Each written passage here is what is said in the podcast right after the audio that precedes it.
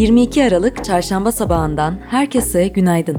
Her çarşamba olduğu gibi önemli gelişmeleri sizlerle paylaşmak üzere yeni günde yepyeni bir Aposto 6.30 yayınında. Ben Gizem sizlerleyim. Bugünün bülteni mükellef destekleriyle ulaşıyor. Bireysel girişimcilerin şirket kurma ve sonrasında girişimlerinin ihtiyacı olan tüm finansal süreçleri yönetebildikleri bir online platform olan Mükellef. Avrupa Birliği'nde rahatlıkla ticaret yapmak isteyen girişimciler için Estonya operasyonunu hayata geçirdi. Ayrıntılara bültenimizden ulaşabilirsiniz diyorum ve 22 Aralık çarşamba gününde öne çıkan başlıkları aktarıyorum. Piyasalar ve ekonomi Hazine ve Maliye Bakanlığı, Cumhurbaşkanı Erdoğan'ın açıkladığı yeni bankacılık ürününün ayrıntılarını paylaştı. Kur korumalı TL vadeli mevduat olarak adlandırılan üründen yalnızca gerçek kişiler 3, 6, 9 ve 12 aylık vadelerle yararlanabilecek.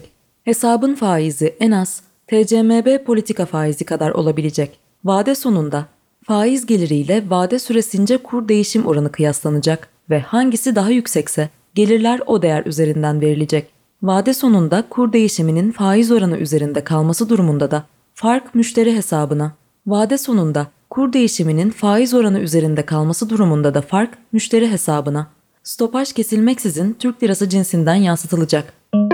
Tüketici Güven Endeksi Aralık 2021'de %3,1 düşüşle 68,9 olarak kaydedildi. Endeks bu değerle tarihin en düşük seviyesine gerilemiş oldu. Ayrıca gelecek 12 aylık döneme ilişkin genel ekonomik durum beklentisi endeksi de %2,2 oranında değer kaybetti. Borsa İstanbul'da dün görülen satışlarla eksiye dönen değerlerin ardından iki kez devre kesici uygulandı. Satışlar dün %8'in üzerine tırmandı. Dünya Gazetesi'nin aktardığına göre Cuma ve pazartesi günleri de ikişer kez devre kesici uygulanan BIST 100 endeksinde 2 günlük kayıplar %20'den fazla oldu. Bankacılık Düzenleme ve Denetleme Kurumu, görsel basılı yayın organları ve sosyal medya hesapları üzerinden kur hareketlerini manipüle etmeye yönelik girişimlerde bulunan kullanıcılar hakkında suç duyurusunda bulunulacağını paylaştı. Avrupa'da doğal gaz fiyatları bir günde %20'nin üzerinde artış kaydederek rekor kırdı. Artışlar Rusya gazını Avrupa'ya taşıyan Yamal boru hattında cumartesi gününden bu yana düşen transferin dün yönünü terse çevirmesiyle tetiklendi. Rusya, durumun kuzey akım iki hattı ile bir bağlantısı ve siyasi bir zemini olmadığını belirterek tamamen ticari bir durum olduğunu söyledi. İş Dünyası ABD merkezli elektrikli araç üreticisi Nikola, yatırımcıları ürünler, teknik gelişmeler ve ticari beklentiler konusunda yanılttığı gerekçesiyle açılan davada 125 milyon dolar ödemeyi kabul etti. Stellantis, 4 batarya elektrikli araç platformunun yeni yazılımı. STLA Brain için üretilecek yarı iletkenlerde Foxconn'la işbirliği yapıyor. Bu kapsamda Stellantis'in yarı iletken ihtiyaçlarının %80'inden fazlası Foxconn tarafından karşılanacak. ING, Fransa'daki perakende bankacılık operasyonlarını sonlandırmayı planlıyor.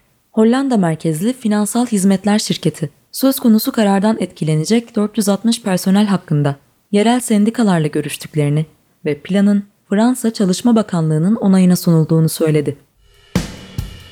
Politika Bugünün politika başlığı altında başlangıcı muhalefetin yeni finansal araç tepkisi yapıyor. CHP lideri Kemal Kılıçdaroğlu, partisinin grup toplantısında Cumhurbaşkanı Erdoğan'ın açıkladığı yeni ekonomi düzenlemesine yönelik hazinede olmayan bir parayla garanti verdiler. Dün yaptıkları buydu gizli faizin dik alasını uyguladılar ifadelerini kullandı. İyi Parti Grup Başkan Vekili Erhan Usta, düzenlemeye ilişkin Birleşik Arap Emirlikleri başta olmak üzere yurt dışından gelecek sıcak paraya milletin sırtından kur garantisi verildi yorumunu yaptı. Deva Partisi Genel Başkanı ve eski Ekonomi Bakanı Ali Babacan, düzenleme için örtülü faiz artırımı değerlendirmesinde bulundu. HDP ekonomiden sorumlu eş genel başkan yardımcısı Garo Paylan'da yoksulların vergilerini yine dolar ve faiz baronlarına aktaracaklar şeklinde tepki gösterdi. G7 ülkelerinin dışişleri bakanları Hong Kong özel idare bölgesinde yapılan seçimler için Çin'deki demokrasinin aşındığı yorumunu yaptı.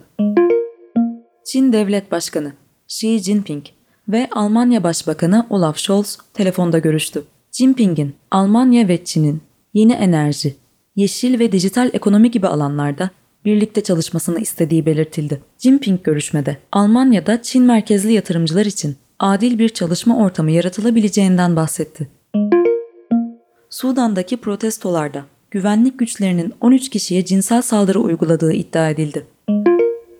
Macaristan Devlet Başkanı Viktor Orban, AB Adalet Divanı'nın Macaristan'ın 2018 tarihli yasasına yönelik verdiği kararını tanımadıklarına işaret etti. Mahkeme, Macaristan'ın AB hukukundan doğan yükümlülüklerini yerine getirmediğine dikkat çekerken, Orban, mahkeme kararı aksini iddia etse bile mevcut sistemi sürdüreceklerini söyledi. Teknoloji ve Startup Meta, Facebook, Messenger, WhatsApp ya da Instagram gibi görünerek kimlik avı dolandırıcılığı yapma niyeti taşıyan ve 2019'dan bu yana 39 bini aşkın internet sitesi oluşturan kötü niyetli kişiler için yasal süreç başlattı. Spor Kayak Alp disiplini Anadolu Kupası'nda milli sporcular Ceren Reyhan Yıldırım 2 altın, Berkin Usta 1 gümüş, Özlem Çarıkçıoğlu 1 gümüş ve Sıla Kara 1 bronz olmak üzere toplam 5 madalya kazandı. Teniste 2021 Avustralya açığın yarı finalistlerinden Carolina Muchova sakatlığı sebebiyle 2022 Avustralya açıktan çekildiğini duyurdu. Günün hikayesi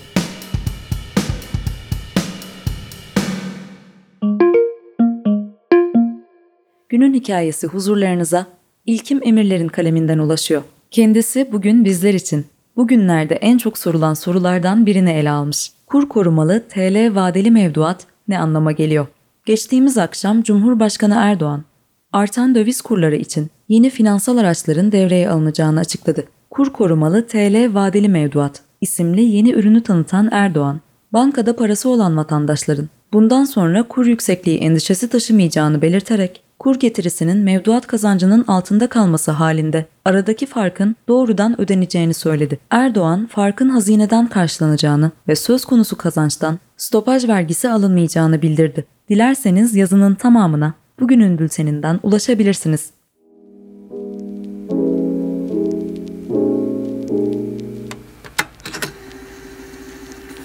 Her hafta olduğu gibi bir çarşamba gününde daha Aposto 6.30 yayınında ben Gizemliydiniz ve bugünlük de benim için veda vakti. Hepinize sağlıklı ve mutlu günler diliyorum. Hoşçakalın.